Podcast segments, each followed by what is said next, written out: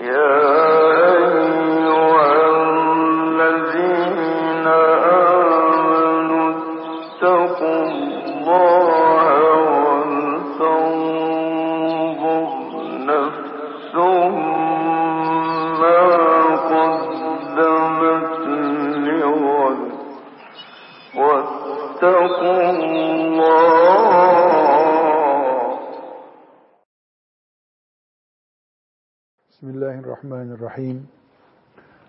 Elhamdülillahi Rabbil alemin. Ve sallallahu ve sellem ala seyyidina Muhammedin ve ala alihi ve sahbihi ecma'in. Müslüman olmak elbette kelime-i şehadet getirmek, namaz kılmak ve diğer Allahu Teala'nın İslam'a şart getirdiği ibadetleri yapmaktır. Elbette başta Allah, melekler, peygamberler olmak üzere nelere inanılacağını emrettiyse onlara iman etmektir. Ama Müslümanlık kalp dünyasını, insanın iç donanımını da temiz tutmaktır. Önceki bölümlerde gördük, Müslümanın mesela kibirli olması iç temizliği açısından sıkıntıdır. Müslümanın mesela e, Allah'a asilik anlamına gelen veya Allahu Teala hiç tanımamak anlamına gelen şirk ne anlama geliyorsa e, Müslümanın tevazu sahibi olmaması da o listede sayılıyor. Elbette şirkin günahı milyonsa öbürünün günahı tek haneli rakamlardadır belki ama suçtur. Müslüman için ayıplı kabul edilen şeylerdir. Bu sebeple iyi bir Müslümanlık, Allah'ın razı olacağı bir Müslümanlık, kabir hayatında başlayan nimetlerinin görüleceği bir Müslümanlık, yani oradaki nimetlerin görüleceği, sonra cennet nimetleriyle karşılaşacak Müslümanlık için bir iç temizlik gerekiyor. Ee, bu ümmetin büyük önderleri, alimler bu iç temizlik konusuna çok önem vermişlerdir. Özellikle tasavvuf e, ekolü de yani bugün tarikatlar diye bilinen ama tarikatların kaynaklandığı, çıktığı ortam olan tasavvuf da bu iç temizlik donanımını Müslümana sağlamak, bu sağlamada yardımcı olmak için vardır. Bir Müslümanın bir tarikata girmesi demek, e, daha iyi namaz öğrenmesi, daha çok e, fıkıh bilgisi, tefsir bilgisi sahip olmasından önce iç dünyasını temizlemek, kalbini kibir gibi, haset gibi, yalan gibi, nemime gibi benzeri şeylerden temizlenmiş bir Müslüman olmak için Müslüman e, böyle ince ayarlarla ilgilenir. E, müellifimiz bir gibi rahmetullahi aleyh de bir kitap üzerinden e, bunları derleyip toparlıyor. Müslüman şu hatalara düşmemeli, işte Kur'an'a sarılmalı, sünnete sarılmalı, bid'atlerden uzak durmalı, akidesini, iman esaslarını sarsmamalı ve ahlakı yerinde olmalı diye devam ediyordu. Ahlakını koruması gereken Müslüman için sakıncalı şeyleri saymaya devam ederken müellifimiz karşımıza e, bir başlık çıkardı. Müslüman hıyanet etmez. Hainlik Müslümanın ahlakında kara lekedir, yanlışlıktır. Bu e, Müslüman hainlik etmez, Allah'a hainlik etmez, peygamberine hainlik etmez, mümin kardeşine, mümin toplumuna hainlik etmez. Bir Müslümanın Allah'a hainlik etmesi şirk koşması, Allah'ın şeriatını e, hor görmesi, Allah'ın peygamberini hor görmesi demektir. Yani yoksa Müslüman Allah'a ne hainlik yapacak ki? Bizim bildiğimiz Türkçedeki hainlik manasında. Müslüman oldum, Muhammed Aleyhisselam'ı peygamber olarak kabul ettim diye itiraf ettikten sonra Peygamber Aleyhisselam'ın şeriatına aykırı davranmak, onu onun ümmetine yakışmayan işleri yapmak, peygambere hainlik etmektir. Kur'an-ı Kerim'i küçük düşürmek veyahut da emirlerinden birini yok kabul etmek, yasaklarından birini teğet geçmek Allah'a hainlik etmektir. Müslüman Allah'a hainlik etmez. Peygamberine hainlik etmez. Müslüman toplumuna hainlik etmez. Ee, bir başka mesela bir gibinin Müslümanı temizlemek ve arınmış bir Müslüman olarak ümmetin içinde bir parça olmayı sağlamak için bunu yapmaz Müslüman dediği şeylerden biri sözünden caymaktır. Müslüman sözünün eri olur. Eğer Müslüman sözünün e, eri olmazsa Müslüman olanla Müslüman olmayan arasında bir fark olmaz. Yani mesela polisiye tedbir, kanuni müeyyideler herkesi e, imza attıysan imzanın kölesi yapıyor zaten. Bunda bir sorun yok. Ama kanuni bir müeyyide olmadan Müslüman sadece ağzından çıkan bir sözse bu, o söze mahkeme kararına gerek duymadan sadık kalmalıdır. Müslümanın farkı budur. Ee, burada e, bir hüküm belirtiyor e, müellifimiz Müslümanın sözünden cayması ile ilgili. E, onu okuyalım hocam. Fel va'du biniyetil hulfi kizbun amdun haramun ve emma biniyetil vefai fecaizun. Burada önemli bir kural Müslümanın gözünün önüne getiriliyor. Yapmayacağı halde, yapmayacağını bildiği halde Müslümanın bir söz vermesi yalandır, haramdır. Biz haram deyince alkol kullanmayı haram biliyoruz. Çalmayı haram biliyoruz. Ne demek haram? Allah buna ceza verecek demek. Burada bu haram kelimesini bir başka yerde kullanıyor. Uygulamaya niyetin olmadığı halde söz veriyorsun. Yarın gelirim diyorsun. Şu gün veririm diyorsun. Ama hiç öyle bir niyetinde yok aslında. Bu haramdır. Çalmak gibi, namaz kılmamak gibi. Nasıl efendim? Yalan gibi. Yalan, bildiğin yalan. Yalan haram olduğu gibi bu da haramdır. İnsan neye söz verebilir? Ve emmen niyetu ve emma bi niyetil vefai fecaizun. E, Müslüman yapacağım diye bildiği halde e, yani güveniyorsa kendisine vermeli. Belki efendim ee, peki hocam yerine getirme niyeti olmaksızın inşallah kaydını koyarız, koyarsan olacak. Buna şimdi izah edeceğim. Şimdi şöyle bir durum var. Talha hocam seninle yarın biz sizin Tokat'a bir gidelim mi? Tokat'ta işim var. Sen Tokatlıydın değil mi? Hasan hocam da Tokatlı. Tokat'a bir gidelim. Şimdi sen aslında yarın plan var, projem var. Gelemezsin. E benim de kırmak istemiyorsun. Tamam gidelim. Yarın sabah namazını kılıp çıkalım mı? Çıkalım. Geliyor musun? Geliyorum. Tam sabah namazında telefonu kapatıyorsun. Ben seni bulamıyorum. Gelmeye niyetin yoktu senin. Buna rağmen beni kırmamak için tamam dedin. Bu bir yalan. Bu bir haram. Bildiğimiz haram. Alkol de haram, bu da haram. Çalmak da haram, aldatmak da haram. Müslüman sözünden dönmez. Peki, böyle değil. Ben e, bir Müslüman olarak e, yarın Tokat'a gideceğim. Bir sıkıntım yok. Tamam, inşallah. Yerinde bir inşallah mı bu? Yerinde bir inşallah. İnşallah geliyorum. Kaç sabahleyin kalktım ki çocuklardan biri hasta. Telefon ettim. Benim çocuk hasta izin verirsen gelmeyeyim ben dedim. E tabi dedi. Bir sıkıntı var mı bunda? Hiçbir sıkıntı yok. Hiçbir sıkıntı yok. E inşallah demiştik.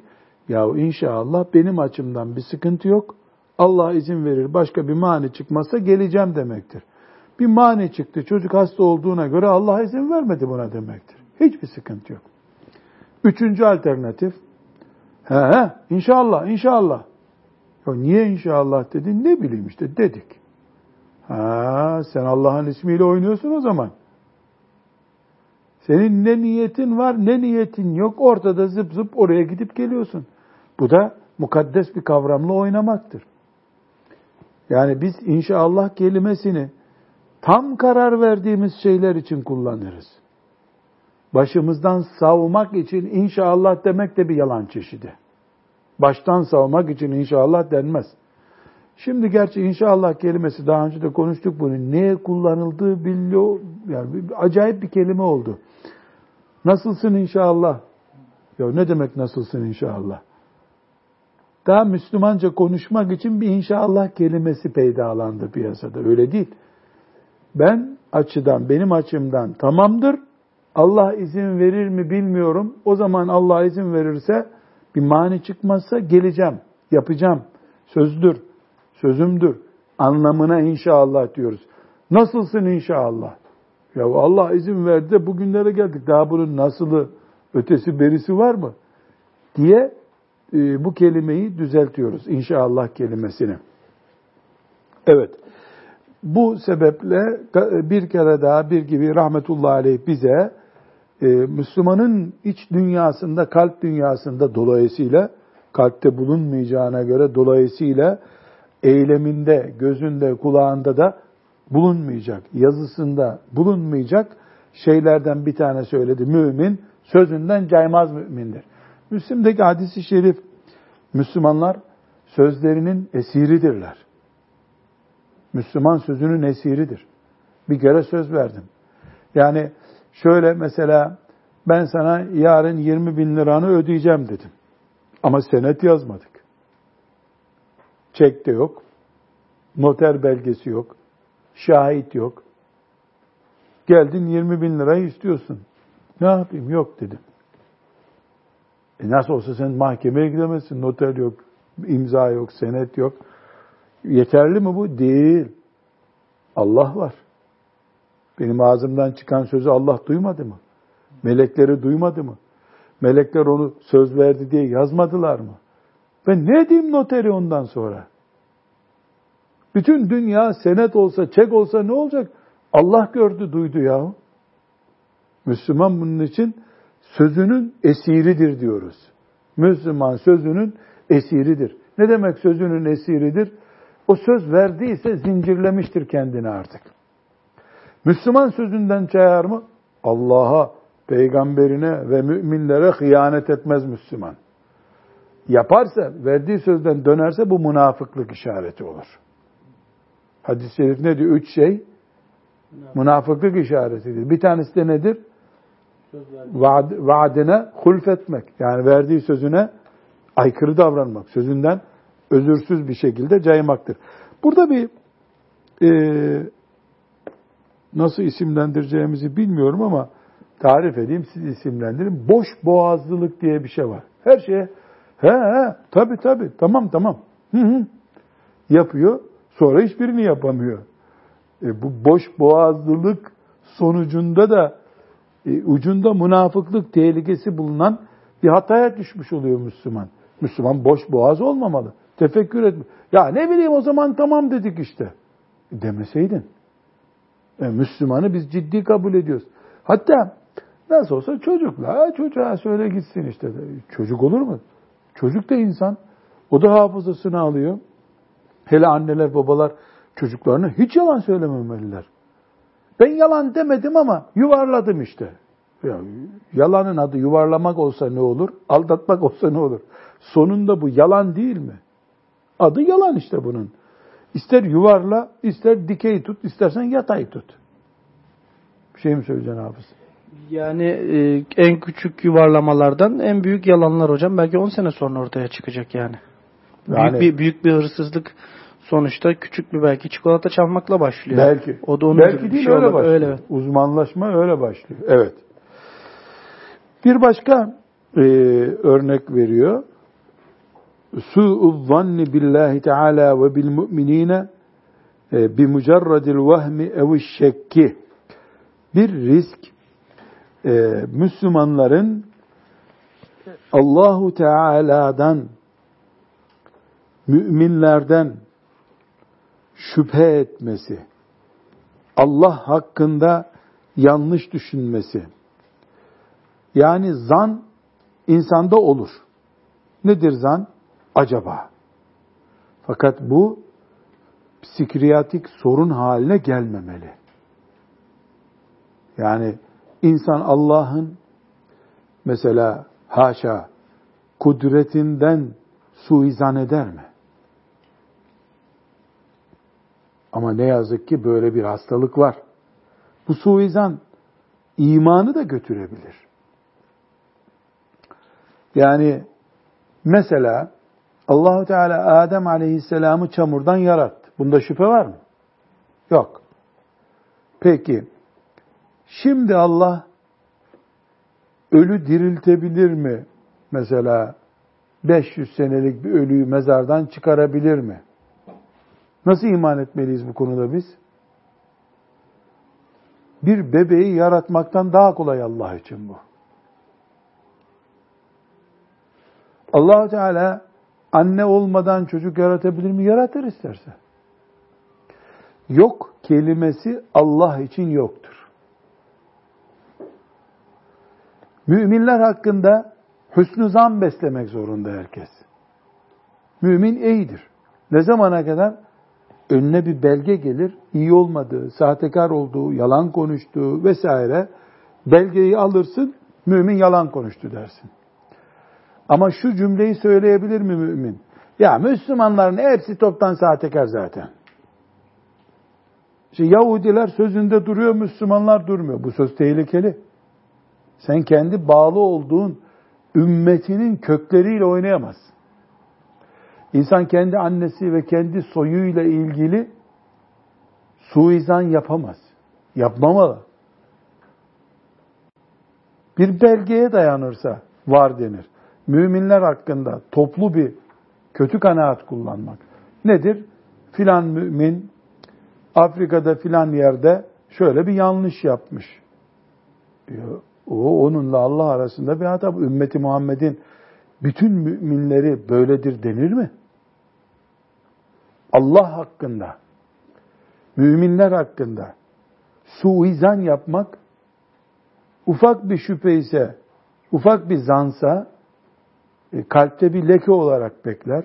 Şeytan bunu büyütür de, Allah'ın kudretiyle ilgili, Allah'ın azametiyle ilgili, şeriatı ile ilgili, ümmeti Muhammed ile ilgili kanaat suizan olarak yeşerir, büyürse eğer kalpte, sonunda bu insan Allah'ın öldükten sonra bütün insanları dirilteceğinden de şüphe eder. E, imanımız nedir bizim? Allah diriltecek. Bundan şüphe ettikten sonra bir insana mümin denir mi? Denmez. Nauzu billahi teala. Bu sebeple bir gibi rahmetullahi bir sorun olarak bunu yazmış. Ne diyor? Mümin Allah hakkında kötü zan beslemez. Hiç böyle bir nokta bile olmaz müminin kalbinde. Müminler hakkında toplu bir kanaat, kötü zan olarak müminin hiçbir zaman zihninde olmaz. Olursa bu onu cehenneme kadar götürür maazallah. Bir hadisi kutsi'de de ben kulumun zannı üzereyim buyuruyor. Evet. O bir başka açıdan kulumun zannı üzereyim diyor. Ne demek kulumun zannı üzereyim? Kulum beni hep azap edeceğim diye düşünürse, rahmetimi yok sayarsa, e öyle bulur beni. Kulum da beni mağfiret eder Rabbim, Rabbimin mağfireti büyüktür diye düşünürse, beni mağfiret eden bir Allah olarak bulur. Onun için Allah hakkında mümin iyi düşünmek zorunda. İyi düşünürsen iyi bulacaksın. Kötü düşünüp iyi bulmak yok. Bir başka e, müminin bulaşmaması gereken e, soruna temas ediyor. Uğursuzluk veya uğur kaderi etkileyecek şekilde bizde yoktur.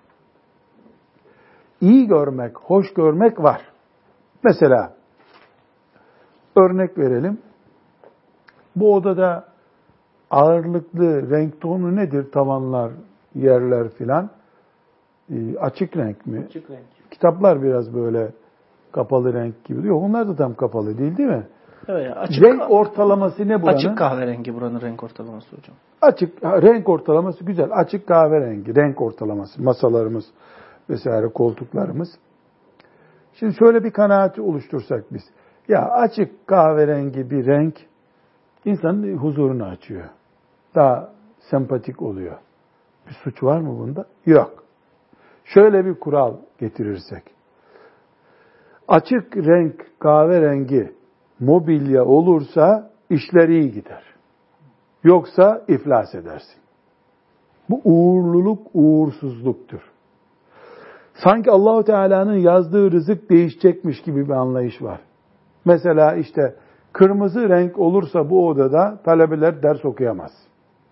Böyle bir şey var mı? Hayır. İnsan psikolojisi açısından açık renk, mesela hastanelerde hep açık renk yapılır. Hastaların moraline etki ediyor. Doğru bu. Ama koyu renk olursa kanser hastası ölür. Böyle değil. Psikolojiye katkısı açısından konuşulabilir. Uğurluluk, uğursuzluk bu açıdan kabul edilir. Psikolojik bir destek. Allah'ın yazmadığı şey gelecek, yazdığı şey de gelmeyecek şeklinde sanki kaderimizi değiştirecekmiş ki güçte bir uğur ve uğursuzluk haram. Mesela bir boncuk çocuğun hoşuna gidiyor diye omuzuna bağlanabilir. Çocuğun hoşuna gidiyor oynasın bunlar. Ama bunu takarsak nazar olmaz. Olmadı. Bir boncuğun gücü bu değildir hiçbir zaman. Allah'a rağmen bir şey yapamaz. Kadere rağmen Allah yazmadığı halde olacakmış gibi kabul etmek bu haram. Allah yazdı fakat çocuğa boncuk takmadığımız için gelmiyor. Haram. Buna buna buna inanmak çok yanlış. Bu da ilk etapta müminin kalbinde küfür olacak, şirk olacak çapta başlamaz. Başlamayabilir. İlk etapta renk tutkunu olarak başlayabilir.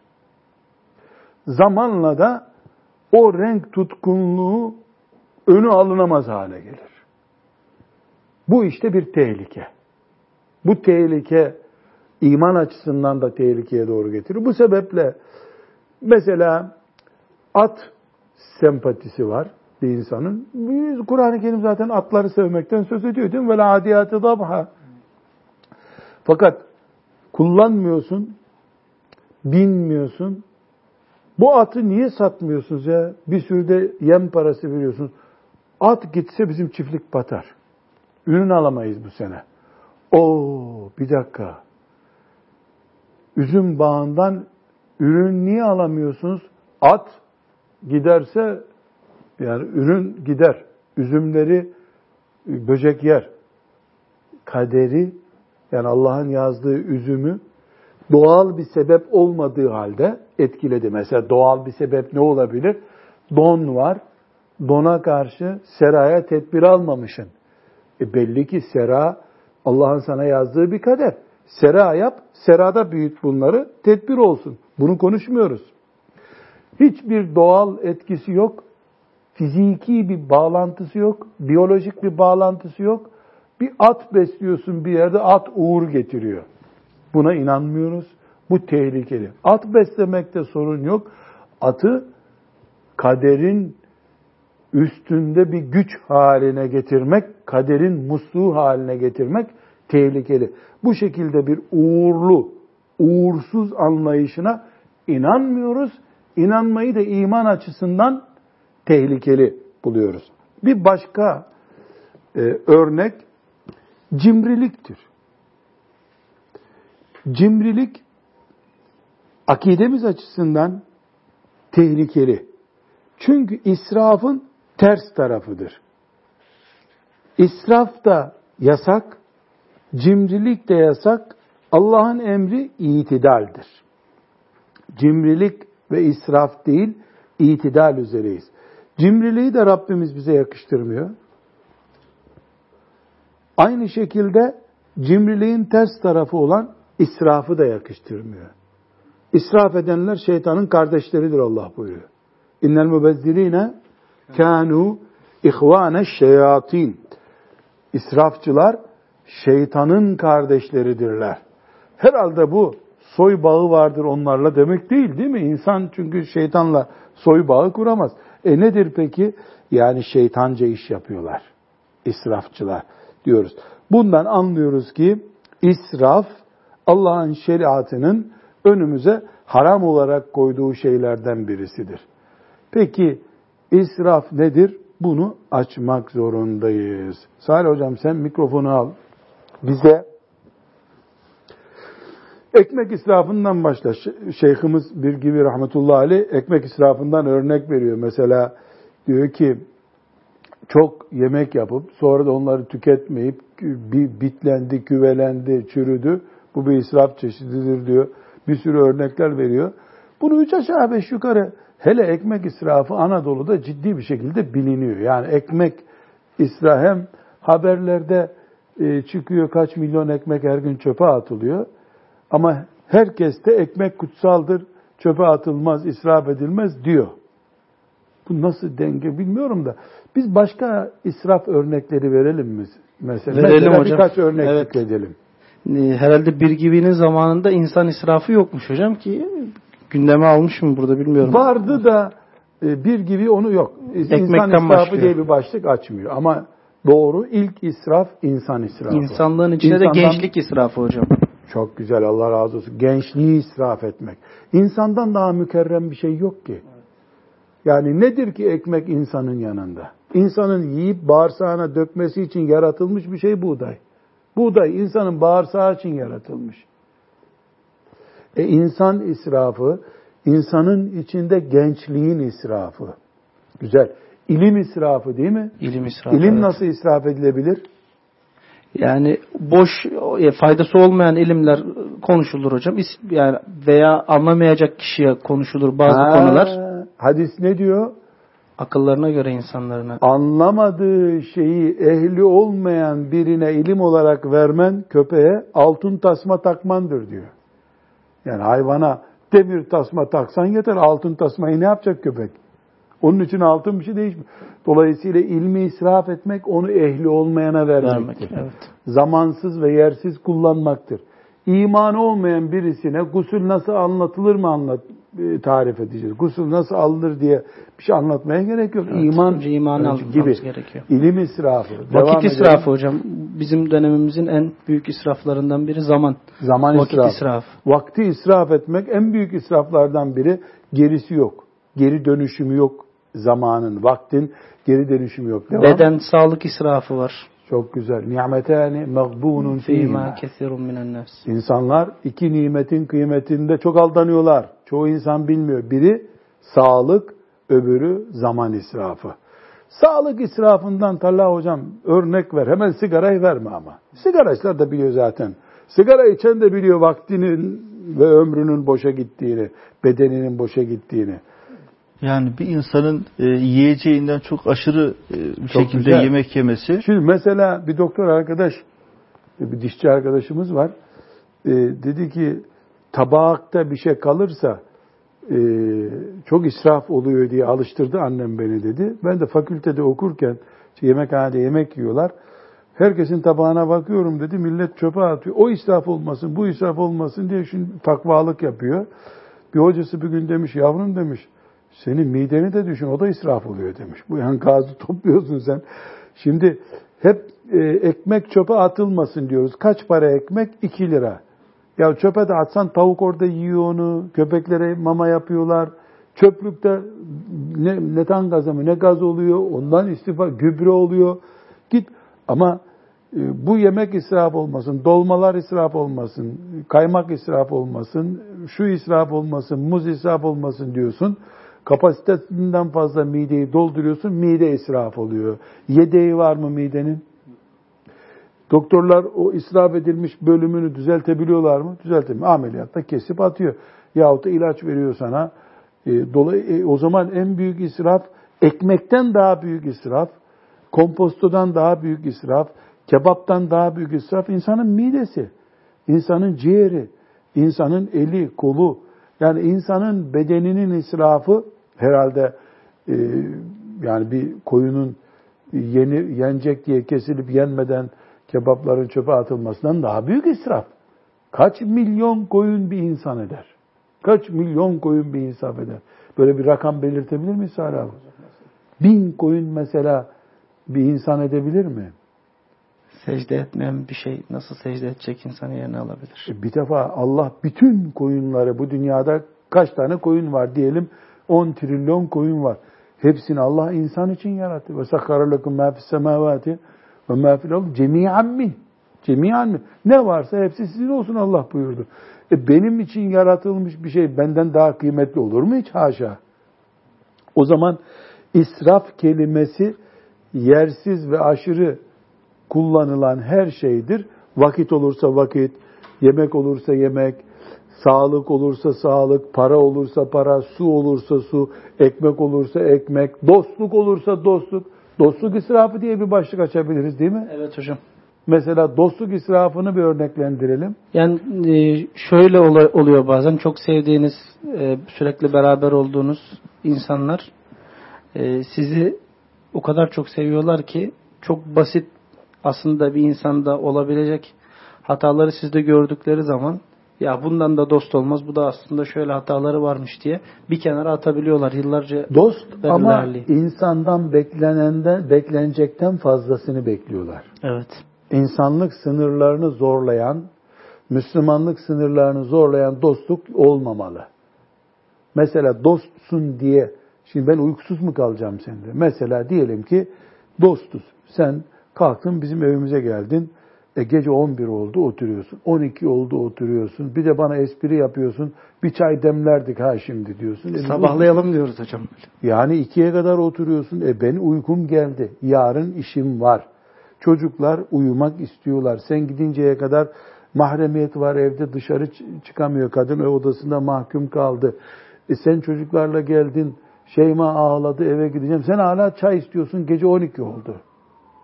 Bu dostluğu israf etmektir. Dostluğu israf etmektir. Bana hadis-i şeriflerden bir örnek versene. Müslümanlığı, takvayı israf etme örneği.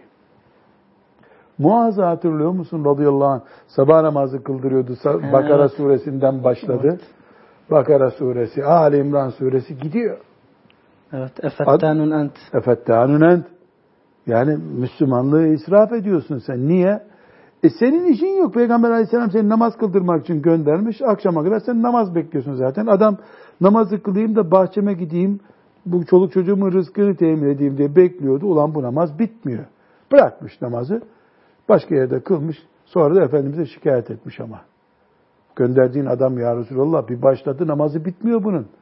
Efendimiz sallallahu aleyhi ve sellem mesela ne muhteşem bir şey. Sen nasıl Allah'ın emri olan namazı bırakarsın? Allah'ın huzurundan kaçtın gittin, vay cahilleri filan buyurmuyor da Muaz'ı ne diyor? Efettanun ente ya Muaz. Sen ne yaptın Muaz? İnsanları dinden mi soğutuyorsun? Bu bir ibadet üzerinden israf bu. Çünkü iki, iki sayfa oku, Efendimiz sallallahu aleyhi ve sellem iki sayfa okumuş. Muaz vermiş kendini Rabbine bir cüz, iki cüz gidiyor.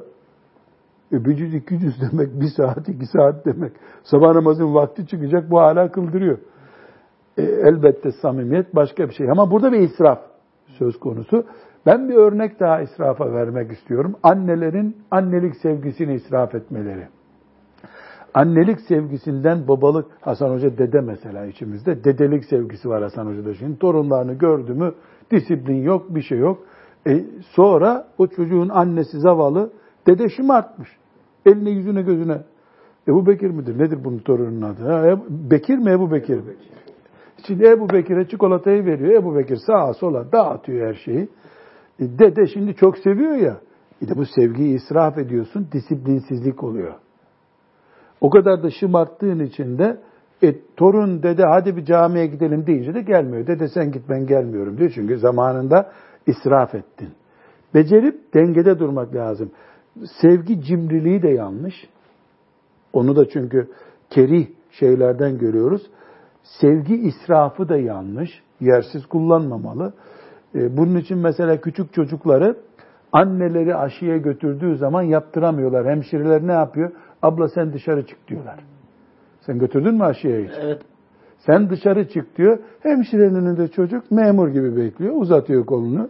Hiç o zaman acımıyor. Ama annesi yanındayken çocuk zannedersin ki kolu ateşe konmuş. Şimdi Eczacı Salih abi daha iyi örnekler biliyordur burada. Neden böyle? Anne sınırsız bir sevgiyle seviyor. Dengelemiyor. Hemşireyi de ilk defa görüyor. Hemşire kaşlarını çatmaya görsün. Ee, hemen evet diyor, pes ediyor. Salih abi yanlış mı söylüyorum? Sen iğne yaparsın çocuklar herhalde. Doğru söylüyorsunuz hocam. Ee, çocuklara biz eczacılar olarak iğne yapmıyoruz ama çok e, şahit oluyoruz mesleğimiz gereği. Sağlık Peki sektörünün ilaçla mı içerisinde vermiyorsunuz olduğumuz- çocuklara? İlaç veriyoruz aynı şekilde. Ee, anne yanında çocuk e, daha çok şımarıyor. E, o sevgiyi dışarı vuruyor. Şımarıyor demeyelim. Çocuk haklı. İki gün önce gördüğü o sevgi bolluğunu görmek istiyor.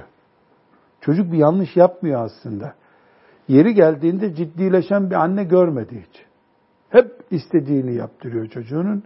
Bu sefer anneler ne yapıyorlar? Her şeyi yalvartarak alışmış ya. E çocuk yemek yiyecek, ne olursun ye yavrum, yersen sana şunu alacağım, yersen şuraya gideceğiz. Yemesen yeme ya Allah Allah, benim var deyip bırak. Bir yapabilse anne bunu bir defa, öbür gün çocuk yalvaracak, anne ne olursun keki vermeden gitme diye. En sevdiği yemeği yapıyorsun, tenezzül edip yemiyor, yalvarmıyorsun çünkü. Sevgide aşırılık israftır. Ama sevgiyi kıstığın zaman da zulümdür bu. Yaşına göre, konumuna göre dengeyi bulmak lazım. Bu hemşire örneğini unutmayalım. Hemşire aslında anneden daha gaddar birisi değil. Ama onu tanıyamıyor çocuk. Yani nedir bu? Bu elinde bir demir var filan görüyor çocuk onu. Bir yaşında da olsa, on günlük de olsa çocuk anlıyor anneyle diğerinin. Hatta anneyle baba arasındaki farkı bile anlıyor çocuk. Baba çünkü o kadar şımartmaya vakit bulamadığı için babayı daha itaatli, e, itaat edilir noktada görüyor. Şimdi biz burada çocuk eğitimiyle ilgili bir konu konuşmuyoruz değil mi? Ne konuşuyoruz? İsrafın caiz olmadığını konuşuyoruz. İsraf deyince hemen caminin musluklarını açık bırakarsan çok su akar. Bu akla geliyor. Ya bunu zaten herkes anlıyor. Bizi israfa yeni anlamlar yüklememiz lazım. Ee, Benim aklıma da e, şu geldi hocam. Enerji israfı. Bir Müslüman enerjisini israf etme, israf Hem etmek. Yanlış enerjisi de dahil ama. e, yani şu yönden diyorum. E, bir e, büyüğüne, bir delikanlı bir büyüğüne gelip de e, ne yapması gerektiğine dair hayatıyla ilgili bir yönlendirme istediğinde o büyüğü yanlış yönlendirir. Yani başından savmak için herhangi bir yere gönderirse bu da bir israftır. Yani Şüphesiz çünkü hayatıyla alakalı Ümmeti. Muhammed'in israfı, gençlerin israf edilmesi, sırf yani senin hoşuna gidiyor bu fakültede oku, çocuğun kabiliyeti yok, dört sene okuyor fakültede, sonra başka işe dönüyor. E canım bu çocuğun ömründen dört sene gitti, emeli gitti çocuğun. Hayatla bağlantısı gitti. Evlilik israfı diye niye bir başlık açmıyoruz? Evliliklerde israf yok mu? Dengesiz, uyumsuzların birbiriyle evlilik yapması, aile büyüklerinin yersiz müdahaleler yaparak evliliği yanlış yönlendirmesi, sonra da boşanmaların olması, bunların hepsi maliyeti insanlığa yükleniyor. Yani bir boşanmayı A ile B boşandı diyelim. Boşansa boşandı. Geçen bir rakam dikkatinizi çekti mi? Cuma hutbesinde de temas edildi. Yaklaşık söylüyorum 600 bine yakın bir bir yıllık evlilik rakamı var. 200 bine yakında boşanma rakamı var. Demek ki bu şehirlerde 5 evden birinde boşanma var. Çok büyük bir rakam bu. Bunlar hep devletin mahkemeler kanalıyla istatistiğine yansımış şeyler.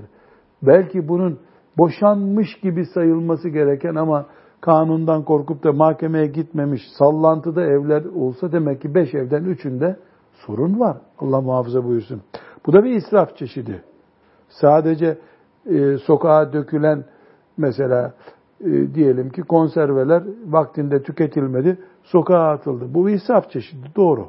Gerçi konserve atılmıyor, yem fabrikalarına falan gönderiliyordur ama her halükarda nimetler israf edilmesin derken sağlığımızdan daha büyük bir nimet mi var? Çocuklarımızdan daha büyük bir nimet mi var? E, aile kurmamızdan, aileyi sürdürmemizden daha büyük bir nimet mi var? Yani nimeti geniş kapsamlı düşünmek lazım. Evet. Yeni bir başlığa e, geçiyor. Bu başlığın da e, çok iyi anlaşılması lazım. Aksi takdirde e, yanlış anlaşılabilir. Burada dünya sevgisini 28. kalp afeti olarak önümüze çıkarıyor. Dünya sevgisi. Dünyayı sevmek kalp afetidir diyor. Şimdi dünyayı sevmek deyince yani dünya haritasını mı sevmeyi kastediyor? Yoksa işte denizleri mi, okyanusları mı? Dünyanın coğrafyası değil söz konusu olan. Yer küre değil düşmanımız bizim. Bundaki şeyleri okuyalım. E, nedir e, onu e, anlamaya çalışırız. Ve huve lil harami haramun ve lil halali la velakinnehu mezmumun. Eğer dünya dediğimiz şey haram bir şeyden kaynaklanıyorsa o elbette haramdır. Dünya nedir? Tarla. Tarlayı sen çalarak almak istiyorsun. Yetimlerin hakkını almak istiyorsun. Dünyalık seviyorsun. O seni yetim yeğenlerinin hakkını gasp etmeye götürüyor. Haram. Para seviyorsun. Bu paraya ulaşmak için de işçilerinin hakkından gasp ediyorsun. E dolayısıyla kul hakkı haram. Karşı cinse sevgin var. Bunu nikahlanıp evlenerek değil kadın veya erkek hangisi olursa olsun evlenerek değil de internet üzerinden bu sempatiyi gidermeye çalışıyorsun. Haram. Çünkü karşı cinse bu niyetle bakmak veya başka niyetle bakılmaz yerine bakmak haram. Haram ne demek? Allah'ın yasağı demek. Allah'ın yasağı ile helal de olsa dünyaya ulaşman senin haramdır. Dünya derken demek ki şu yer küre değil kastımız. Nedir ya dünya dediğimiz şey?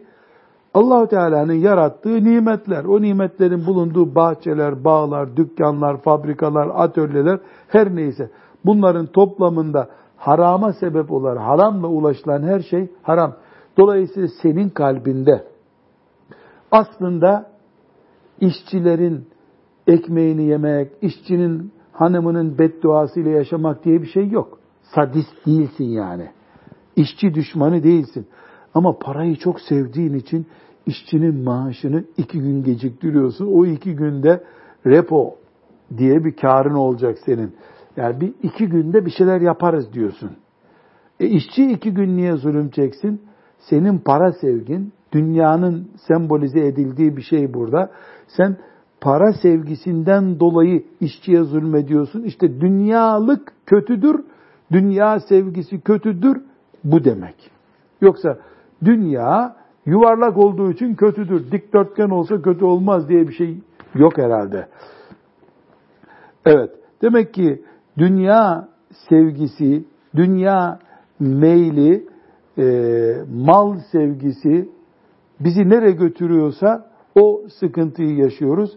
Yoksa mal kötü değil, dünya kötü değil. Üstelik mal da, dünya da bizim e, neticede Rabbimizin rızasını kazanacağımız, cennete gireceğimiz köprü bunlar. Mal olmasa nasıl yaşayıp da secde edeceksin? Dünya olmasa hangi toprak üzerinde secde edeceksin? Bunların sömürü vesilesi olması, bu şeytanın dünyayı kullanıp, malı kullanıp bizi Allah'tan koparması tehlikeli esas. Evet, e, burada daha önce tuğle emel diye bir başlık açmıştık değil mi? Evet. Tuğle emel neydi? İnsanın çok uzun, uçsuz, bucaksız hayaller kurması. Burada dünya sevgisiyle ilgili diyor ki emeli ve ilacı tuğlul emel kessetu zikril mevti ve gavailu değil mi? Ee, bu kulun e, dünya sevgisi, mal sevgisinin kökünde tuğle emel var. Uzun projeler. İnşallah 68 yaşında emekliliği geliyor. Sari iyi hesap et şimdi bak. 68 yaşında emekliliği geliyor. İnşallah o emeklilikten ona 30 bin lira emeklilik ikramiyesi gelecek. 68 yaşında. Onu bankaya yatıracak. 10 sene sonra o 35 bin lira olacak. O zaman da 78 yaşına gelecek. Gidip inşallah Taksim'den uygun bir arazi bulacak. Ya da dönüşüm projesinden bir bina bulacak. Onu yapacak inşallah. Az çok inşaattan anlıyor. İstanbul'a geldiğinde inşaatlarda çalışmış. İnşallah 75 yaşına geldiğinde de inşaatı bitirmiş olacak. İnşallah 80 yaşındayken de o onları kiraya verecek. O 5-10 sene birikince onlarla çoluk çocuk hacca gidecekler inşallah. Nasıl projem? İşte şeytan böyle yapıyor. Ya kimsenin 24 saatlik garantisi yok. 24 sene üzerine emeklilikten sonra hacca gitme projesi yapıyorsun sen. Ya olursa ne güzel de e niye gülüyoruz biz? Nasrettin Hoca göle maya çalmış. Ya tutarsa demiş. Ona niye güldük biz? e birisi var da beş kuruşu yoktu şimdi İstanbul'un yarısı adamın. Ya bir varmış bir yokmuş da hayat yürüyor mu? Nasrettin Hoca'nın da göle çaldığı maya belki tutardı. Ya tutarsa adam ne kadar yoğurdu olacaktı ama. Bu sebeple dünya sevgisi ne zaman put haline dönüşüyor? Haddinden fazla. E, günlük maişeti geçtik, aylık birikimi geçtik. E, yıllık neredeyse birikimin de var. Ya bir ömürlük birikimin var. Beş ömürlük hesap kitap bunlar ne oluyor? Dünyayı put haline getiriyor. Dünyada bir kere put oldu mu haramlar gözden siliniyor o zaman. Haramlara helal kapısı açılıyor bu sefer. Dünya çünkü bir kere kendini sevdirdi. Bu sebeple mümin zengin olmalı. Ama hayalle değil, çalışarak zengin olmalı. Allah önünü açarsa yürü kulum diyorlar ya Anadolu'da yürü kulum dediyse ne oturuyorsun yürü o zaman. Ama Allah otur kulum dediyse yürümek için bir sürü eziyet çekmeye değmez. Dünya hayaline dalındığı zaman put olur. Put olunca allah Teala'nın hiçbir kıymet vermediği şeye kulu haddinden fazla kıymet verince yani dünya bakır. Sen bunu altın zannedersen aldatır seni. Bozdurmaya gittiğinde de bakır üzerinden bozulacağı için sen de altın bekliyordun, iflas edersin. Bu da meşhur bir hadis-i şerif var hocam. Tirmizi'nin rivayet ettiği hadis-i şerif oku da bereket gelsin ya. لَوْ كَانَتِ الدُّنْيَا تَعْدُلُ عِنْدَ اللّٰهِ لَوْ كَانَتِ الدُّنْيا تَعْدِلُ عِنْدَ اللّٰهِ تَعَالَى جَنَاحَ بَعُوضَةٍ مَا سَقَى كَافِرًا مِنْهَا شُرْبَةَ مَاءٍ Şunu bir daha oku da bereketi tam olsun. لو كانت الدنيا تعدل عند الله تعالى جناح بعوضة ما سقى كافرا منها شربة ماء Allahu Ekber. Şu dünya bütünü, bir dönüm arazi değil, bütünü Allah'ın nazarında bir sivrisinek kanadı kadar değeri olsaydı, değer verseydi Allah dünyaya, kafire bir bardak su vermezdi dünyadan. Halbuki kafire ne bir bardak ya, varil varil veriyor. Petrolü veriyor, uranyumu veriyor, her şeyi veriyor kafire. Niye? Toplamının sinek kanadı kadar değeri yok Allah katında ki zaten. Sivrisineğin kanadı kadar bile değerli değil. Allah böyle görüyor. Kulunun da böyle görmesi gerekirken, kul eğer dünyayı sivrisinek değil de kanarya zannederse, Allah sivrisinek kanadı ki, sivrisineğin kendi kadar da değil. Kanadı kadar bile görmüyor da, kul kalkıp bunu kanarya görürse eğer, o zaman kul batar. Bunun için Efendimiz sallallahu aleyhi ve sellemin 263. hadis olarak Beyhaki'den rivayet ediyor ya burada üstad. O hadisi şerifi şöyle yüksek ses tonuyla okuyalım. Kale Resulullah sallallahu aleyhi ve sellem Hubbud dünya ra'su külli hatiyetin. Hubbud dünya ra'su külli hatiyetin. Hubbud dünya ra'su kulli hatiyetin. Dünya sevgisi demin anlattığımız tarzda. Dünya sevgisi her yanlışın başıdır. Niye cinayet işleniyor? Dünyaya ait bir şeyi kaybetmemek için. Niye hırsızlık yapıyor insanlar? Dünyalık bir şey kazanmak için. Niye siyasette birbirini yiyor siyasi çekişmeler olduğu zaman? Dünyalık için, koltuk için. Ahiret için birbirini öldürüyor mu insanlar için? Dünya sevgisi her hatanın başıdır. Bunu Hafız Salih beraber okuyalım. Hubbu dünya ra'su kulli hatiyetin. Tekrar. Hubbu dünya ra'su kulli hatiyetin. Hubbu dünya ra'su kulli hatiyetin. Böylece sallallahu aleyhi ve sellem Efendimiz bize formül veriyor. Niye kardeşler kavga ediyorlar? Dön dön dön dön dön babadan kalan işte gece konduya.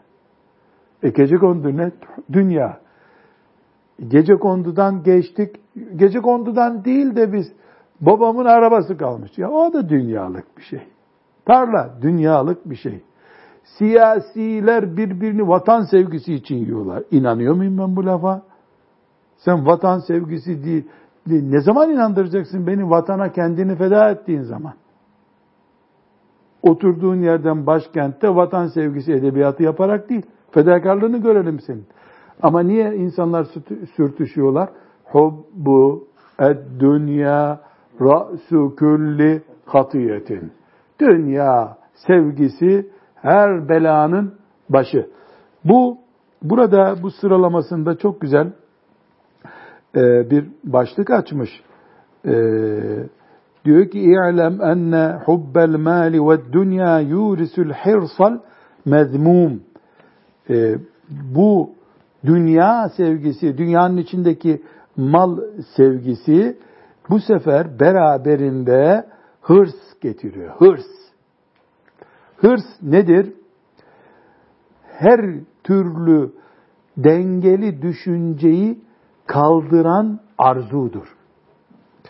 Mesela insanın e, zengin olmayı istemesi istek olarak asla sakıncalı değil. Allah'tan mal istemek, bunun için çalışmak ama Müslüman ever eğer hırsa dönüştürürse bunu, hırsa dönüştürürse kör olur. Önündeki cehennemi de görmez. Ana görmez, baba görmez, kardeş görmez. Daha bir şey görmez o. Müslümanın başının belası hırstır. Bunun için sallallahu aleyhi ve sellem Efendimiz 271. hadis olarak Enes İbni Malik'ten e, rivayet edilen Bukhari ve Müslim'i rivayet ettiği hadis-i şerif hocam 288. sayfada bu hadis-i şerifi okuyalım.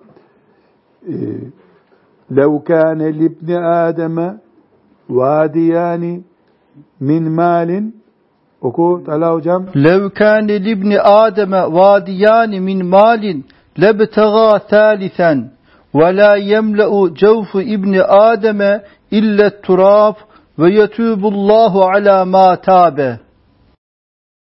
Lev kâne libni Adem'e vadiyani min malin. İki vadi. İki vadi. Ne demek vadi? Bir dağla öbür dağın arası. Yüz bin dönüm belki. Büyük bir yer. Hep altın olarak dolu olsa, bir tane daha öyle olsa, elhamdülillah bunları bizim torunlar bile odun olarak kullanıp yaksalar bitmez. Der mi insan? Demez. Ne ister? Üçüncüsü nerede bu vadinin? Vardır muhakkak.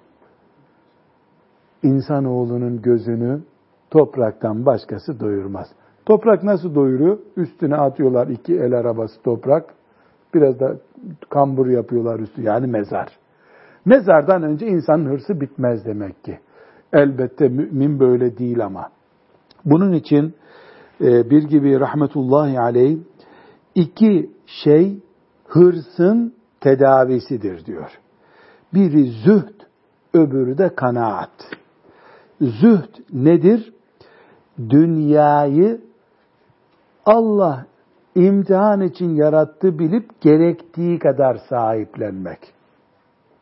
Bir evim olsun, bir arabam olsun, geçinecek maaşım olsun, gerisi helal olsun insanlara.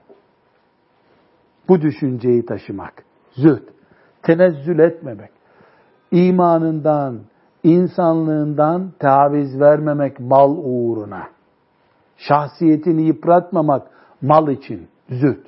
Kanaat nedir? Yetiniyor. Mesela e, soframızda ekmek var, Zeytin var, peynir var, çorba var. Doyduk mu? Doyduk. Üstelik fazla da yiyemedik, gerisi kaldı. Elhamdülillah, Rabbime şükürler olsun. Kanaat. Ama tutup diyoruz ki, ya kaç gündür doğru dürüst burada bir döner yemedik, kebap yemedik. Kanaatsizlik. Herkes ulaşamadığında göz tutuyor. Elindekini yok kabul ediyor. Kanaatsizlik bu, hırs bu. Halbuki doyuyorsun. Hatta dolaba koyuyorsun fazlasını. Başka kasaptaki pirzola hoşuna gidiyor. Haşlama yiyorsun. Bir hafta sonra o biz de kaynadı midemiz ya. Doğru düz bir pirzola yemedik. Hep haşlama yiyoruz. İnsanoğlu bu. İki vadi altın olsa üçüncü arıyor. İki kuzu yese üçüncünün butlarını arıyor. But nerede bu kuzuda diyor. Ha, burada zühd ve kanaat, zühdü tarif etmiştik, gene gelecek zühd. Zühd ve kanaat insanın kurtuluş sebebi. Burada Efendimiz sallallahu aleyhi ve sellemin çok güzel bir hadisi şerifi var. O hadisi şerif böyle bir tablo yapılıp e, asılacak e, bir nitelikte büyük bir hadis. Leysel gına an kesretil araz ev min kesretil araz velakinnel gına ginen nefs. Zenginlik mal zenginliği değildir. Zenginlik gönül zenginliğidir. Biz bunu hayatın içinde de görüyoruz. Zengin, gönlü zengin olan insandır. Eğer bir insan gönlünü zengin tutamıyorsa, gözü açsa yani, gözü aç deniyor ya aç gözü, onun hiçbir şeyden doymuyor ki. Hiçbir şeyden doymuyor. Bu sebeple asıl zenginlik bir hedef olarak Bukhari ve Müslim'in hadis-i şerifi bu. Ondan sonra Müslim'in başka bir hadisi kad efleha men esleme ve ruzika kefafen ve kanna'ahu Allah bima atah. Bunu sen tercüme et hocam. Kad efleha men esleme. Müslüman olan kimse kurtuldu. Müslüman olan bir ve ruzika kefafen yeteri kadar mutfağında rızkı bulunan ve kanna'ahullahu bima ata Allah'ın vermiş olduğu şeye kanaat, kanaat eden, eden kurtulmuştur. Kim kurtuluyor? Müslüman. Yeteri kadar rızkı var ve kanaatkar. Bu üçlü sac ayağını kurabilen kad eflehe. Kurtuldu. Bu üçlü sac ayağını kurmada sorun yaşayan ise vay haline kıyamet günü. Burada kalacağız. Ee, Şeyhimiz rahmetullahi aleyh israfa bölümler açıyor şimdi. Demin geçtiği yerde israfa 292. sayfada bölümler açıyor. O bölümleri yeniden e, israfa dönerek okuyacağız inşallah. Ve sallallahu ve sellem ala seyyidina Muhammed ve ala alihi ve sahbihi ecma'in velhamdülillahi rabbil alemin.